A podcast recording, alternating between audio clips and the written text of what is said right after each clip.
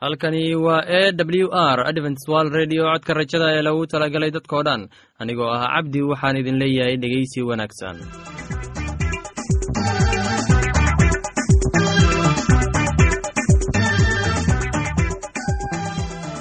barnaamijyadeena maanta waa laba qaybood. Qaybta kuwaad waxaad ku maqli doontaan barnaamijka nolosha qoyska. Kadib waxaa inoo raaci doonaa cashar inaga yimid bugga nolosha ee dhegeysi wacan. Dhegeystayaasheenna qiimaha iyo qadarinta mudano waxaan filayaa inaad si habboon u dhegeysan doontaan. Haddaba haddii aad qabto wax su'aal ama talo iyo tusaale oo ku saabsan barnaamijyadeena maanta fadlan inala soo xiriir. Dib ayaynu kaga sheegi doonaa ciwaanka yagu balse intaynan u guuda gelin barnaamijyadeena xiisaa leh. Waxaad marka hore ku soo dhowaataan. Heestan daabacsan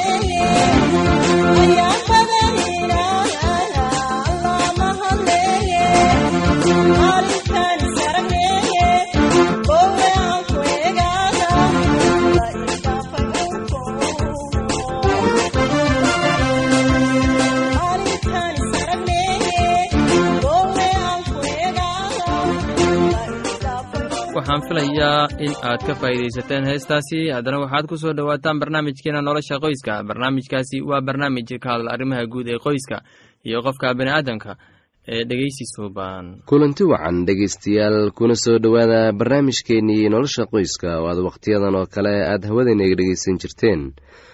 Waxaan weli ku sii jirnaa mowduuciinnii ku saabsanaa waxyeelooyinka loo geysto haweenka anigoo ah cabdi waxaan idin leeyahay dhegaysi wacan dhammaantiinba. Waxyeelooyinka loo geysto haweenka way kala duwan yihiin hadday tahay xag jir ahaaneed iyo hadday tahay xag maskaxeedba.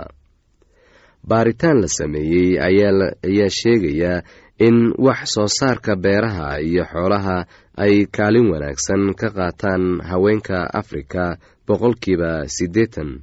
Wax soo saarka beeraha qaaradda afrika haweenka ayaa soo saara. Sidoo kale waxbarashada iyo ganacsigana kaalin fiican ayay ka qaataan haweenku. Haddaan u soo noqonno dalkeenna haweenka kaalin wanaagsan ayay kaga jiraan wax soo saarka dhaqaalaha sida beeraha xoolaha iyo ganacsigaba waxaa intaa u sii dheer haweenka hawsha guriga iyo barbaarinta carruurta ragga marka loo barbardhigo waxqabadka haweenka aad bay u kala fog yihiin. Haddaba haddii ay haweenku ka shaqo badan yihiin ragga isla markaana uu raggu ku xadgudbayo haweenka waa arrin aad u daran. Matalan dalka soomaaliya oo ah dal burburay waxaan wada ognahay in rag badani aysan wax camal ah hayn oo wakhtiyadooda ku dhammeeya meelaha fadhi kudirarka ah ama geedaha hoostooda shax ku ciyaara halka ay haweenku ay ka shaqaynayaan ayagoon howl kala duwan haya sida shaahkarinta ama maqaayadaha oo ay cunto ku iibiyaan. Waxyaabaha dumaystikada ah oo ay sameeyaan sida dermaha iyo dembiilooyinka oo kale ama qaadka oo ay iibiyaan waxaa intaa u sii dheer haweenka soomaaliyeed howlihii guriga sida cuntokarinta dhardhaqidda iyo nadaafadda guud ee guriga. Waxaan wada ognahay in halka ay raggu ka caawin lahaayeen xaasaskooda ay dhib iyo buuq ula yimaadaan. Mararka qaarna ragga qaar waxay ku qaraacaan xaasaskooda in ay qaad u iibiyaan run ahaantii haweenaydu way kaalmayn kartaa ninkeeda waana ay waxaana wada ognahay in dalku uu burbursan yahay oo rag badani aysan shaqooyin haysan. Laakiin waxaa loo baahan yahay in ninku uu la shaqeeyo xaaskiisa mana aha haddii ay iskhilaafaan in uu dilo ama uu u hanjabo. Laakiin waxaa loo baahan yahay in uu si habboon wax ugu sheego kana dhaadhiciyo waxa uu u baahan yahay. Waxaan ognahay in hooyadu ay kaga kurbo badan tahay ninka guriga iyo carruurtaba. Haddaba waxaa lagama maarmaan ah in indheergaratada ay bulshada inteeda kale ay ka dhaadhiciyaan dhowrista xuquuqda haweenka waana in loo sheego maamulada ka jira dalka xadgudubka loo geysto haweenka hadday tahay mid jirdil ah iyo mid kaleba ama kubsi ama si xun oo loogu shaqeeyo haweenka. Waxaa mararka qaar dhacda kubsi la kubsado haweenka in ay ka qaadaan cudurrada ay ka mid yihiin aidiska ama cudurrada kale ee galmada laga qaado. Waxaa qof walba laga rabaa in uu u riboor gareeyo hay'adaha xuquuqda haweenka ku shaqada leh haddii ay la kulmaan wax xadgudub ah oo dhanka ah haweenka. Waxaan filayaa inaad ka faa'iidaysateen barnaamijkaasi. Haddaba haddii aad qabto wax su'aal ama tala iyo tusaale fadlan inala soo xiriir. Ciwaanka yagu waa codka rajada sanduuqa boosada afar laba laba todoba lix nairobi kenya. Mar labaad ciwaanka yagu waa codka rajada sanduuqa boosada afar laba laba todoba lix nairobi kenya. Imeilka yagu waa somali at a w r o r g mar labaad imeilka yagu waa somali at a w r o r g ama barta internetka ciwaanka yagu oo ah w w w codka rajada dot o r g mar labaad ciwaanka yagu waa w w w dot codka rajada dot o r g ama waxaad inagala soo xiriiri kartaan barta emesonka ciwaanka yagu oo ah codka rajada at hotmail dot com. Haddana kabawasho wacani heestani soo socota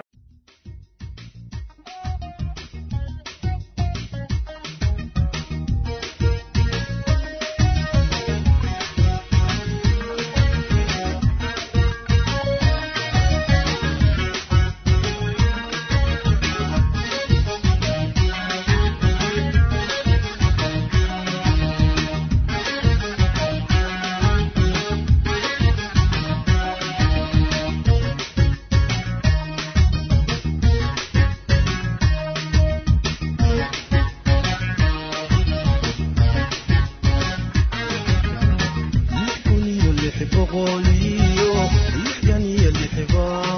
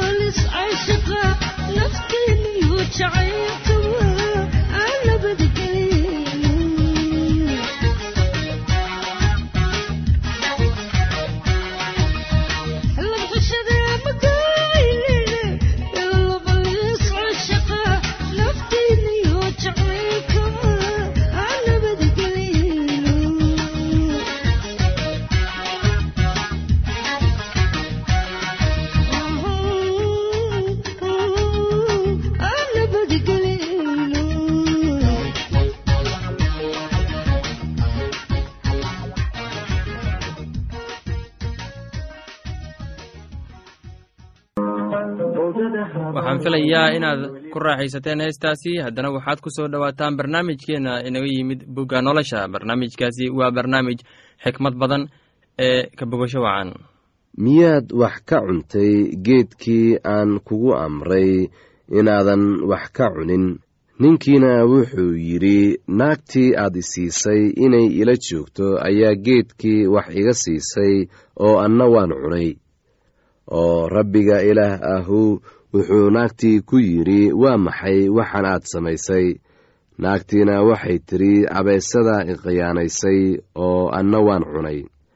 Oo rabbiga ilaah ahu wuxuu abaysadii ku yidhi waxan aad samaysay aawadiis waad ka habaaran tahay xoolaha oo dhan iyo dugaag kasta oo duurka jooga. Waxaanad ku socon doontaa boggaaga ciid baanad cuni doontaa maalmaha cimrigaaga oo dhan oo colaad baan idin dhex dhigi doonaa adiga iyo naagta iyo farcankaaga iyo farcankeeda oo madaxaaguu burburin doonaa adiguna ciribtiisaad burburin doontaa naagtiina wuxuu ku yidhi dhibtaada iyo walaacaaga aad baan u badin doonaa oo dhib baad carruur ku dhali doontaa oo waxay doonistaadu ahaan doontaa ninkaaga wuuna ku talin doonaa aadanna wuxuu ku yidhi codkii naagtaadaad maqashay oo waxaad wax ka cuntay geedkii aan kugu amray anigoo leh waa inaadan waxba ka cunin. Sidaas daraaddeed dhulku waa habaaran yahay adiga aawada. Maalmaha cimrigaaga oo dhanna dhibtaad wax kaga cuni doontaa qodxaan iyo yimaarugna waa kaaga soo bixin doonaa waxaad cuni doontaa geedaha yaryar oo duurka. Wejigaagoo dhididsan baad wax cuni doontaa ilaa aad dhulka ku noqotid. Maxaa yeelay dhulka lagaa qaaday waayo ciid baad tahay ciid baadna ku noqon doontaa. Ninkiina wuxuu naagtiisa u bixiyey xaawa maxaa yeelay waxay ahayd hooyadii waxa nool oo dhan. Rabbiga ilaah ahuna wuxuu aadan iyo naagtiisii u sameeyey dhar harag ah wuuna u xidhay iyagii. Oo rabbiga ilaah ahuna wuxuu yidhi ninku wuxuu noqon doonaa sidii mid innaga inaga mid ah isagoo garanaya wanaagga iyo xumaanta. Oo haatan waaba intaasoo uu gacantiisa soo fidiyaa oo uu wax ka qaataa geedka nolosha oo uu cunaa oo uu weligiis noolaadaa sidaas daraaddeed ilaah isaga wuu ka saaray beer ceedan si uu u beerto dhulka isaga laga soo qaaday. Kolkaasuu ninkii eriyey beer ceedan barigeedana wuxuu taagay karebiim iyo seef ololaysa oo dhan walba u jeesanaysa si ay u dhowrto jidka geedka nolosha. Ninkiina naagtiisa xaawo ahayd buu u tegey wayna uuraysatay oo qaabiil bay dhashay oo waxay tidhi wiil baan ku helay rabbiga caawimaaddiisa. Dabadeedna waxay dhashay walaalkiis haabiil. Haabiilna wuxuu ahaa arijir laakiin qaabiil wuxuu ahaa beerfale maalmo dabadeed waxay noqotay in qaabiil qurbaan ahaan rabbiga ugu keenay midhihii dhulka. Haabiilna wuxuu wax ugu keenay curudyadii arigiisa iyo baruurtoodiiba. Rabbiguna wuu eegay haabiil iyo qurbaankiisii laakiinse qaabiil iyo qurbaankiisii rabbiga ma uu eegin. Qaabiilna aad buu u cadhooday wejigiisana wuu madoobaaday. Oo rabbigu wuxuu ku yidhi qaabiil maxaad u cadhoonaysaa maxaase wejigaagu u madoobaaday? Haddaad wax wanaagsan samaysid sow laguma aqbaleen. Haddaadan wax wanaagsan samaynse dembi ilinkuu kuugu gabbanayaa doonistiisuna aday noqon doontaa. Adigu waa inaad xukuntid isaga qaabiilna wuxuu ku yidhi walaalkiis habiil inakeen aynu duurka tagne. Waxaana dhacday markii ay duurka joogeen in qaabiil walaalkiis habiil ku kacay oo dilay isagii. Rabbiguna wuxuu qaabiil ku yidhi walaalka habiil mee kolkaasuu yidhi ma aqaan ma aniga ah walaalkay ilaaliyihiisa kolkaasaa ilaah ku yidhi maxaad samaysay codkii dhiigga walaalka ayaa dhulka iiga dhawaaqaya. Oo haatan waad ka habaaran tahay dhulkii afkiisa u kala qaaday si uu dhiiggii walaalkay gacantaada uga helo. Kolkii aad dhulka beertid wax badan kuuma dhali doono. Waxaad dhulka ku noqon doontaa mid carcararaya oo warwareera. Qaabiilna wuxuu rabbiga ku yidhi taqsiirtaydu waa ka sii badan tahay wax aan qaadi karo. Bal eeg maanta dhulkaad iga eriday wejigaagana waan ka qarsoonaan doonaa. Waxaanan dhulka ku noqon doonaa mid carcarara oo warwareega. Waxaana dhici doontaa in kii i arkaa idili doono. Oo rabbigu wuxuu ku yidhi isagii sidaas daraaddeed ku alla kii dila qaabiil waxaa loogu aargudan doonaa toddoba laban laab. Rabbiguna calaamad buu u sameeyey qaabiil si aanu ku alla kii arkaaba u dilin. Qaabiilna rabbiga hortiisuu ka tegey oo wuxuu degay dalkii la odhan jiray nood oo xagga bari oo ceedan ku yiil. Qaabiilna naagtiisuu u tegey wayna uuraysatay oo waxay dhashay enoog wuxuuna wuuna dishay magaalo. Oo magaaladiina wuxuu ku magacaabay magicii wiilkiisii enoog enoogna waxaa u dhashay ciiraad ciiraadna waxa uu dhalay muxyeel muxyeelna wuxuu dhalay mutusheel mutusheelna wuxuu dhalay laamig laamigna wuxuu guursaday laba naagood mid magaceedu wuxuu ahaa caadaah tan kalena magaceedu wuxuu ahaa siilah caadahna waxay dhashay yaabaal isna wuxuu ahaa aabbihii kuwa teendhooyinka deggan oo xoolaha leh.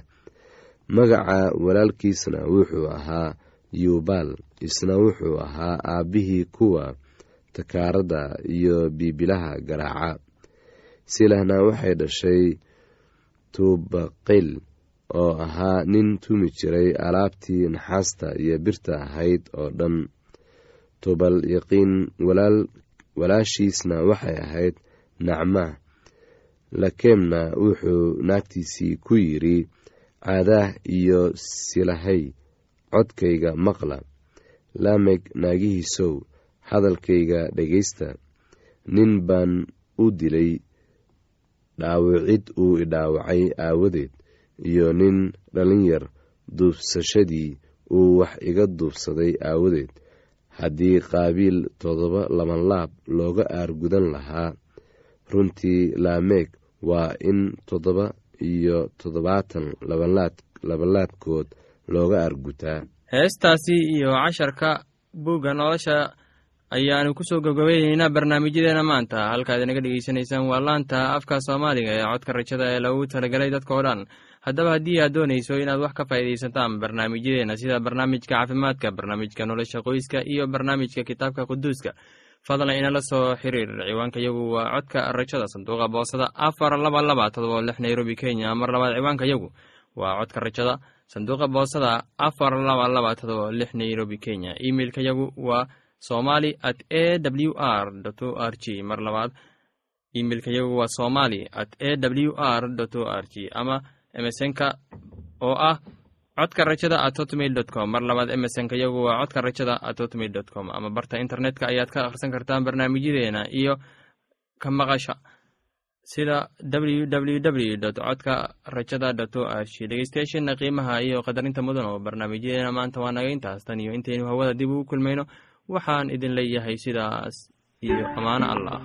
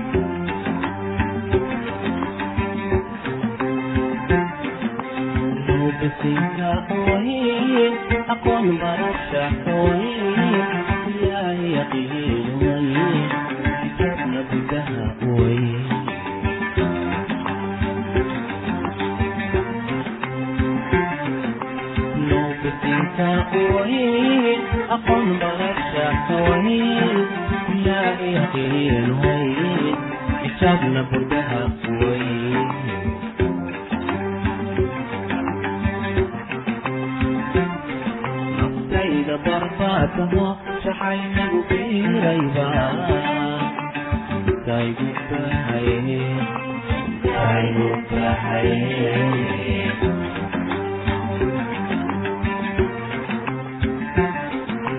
sida qorbaasmo kacaynigu biirayba kaygu bahaye kaygu bahaye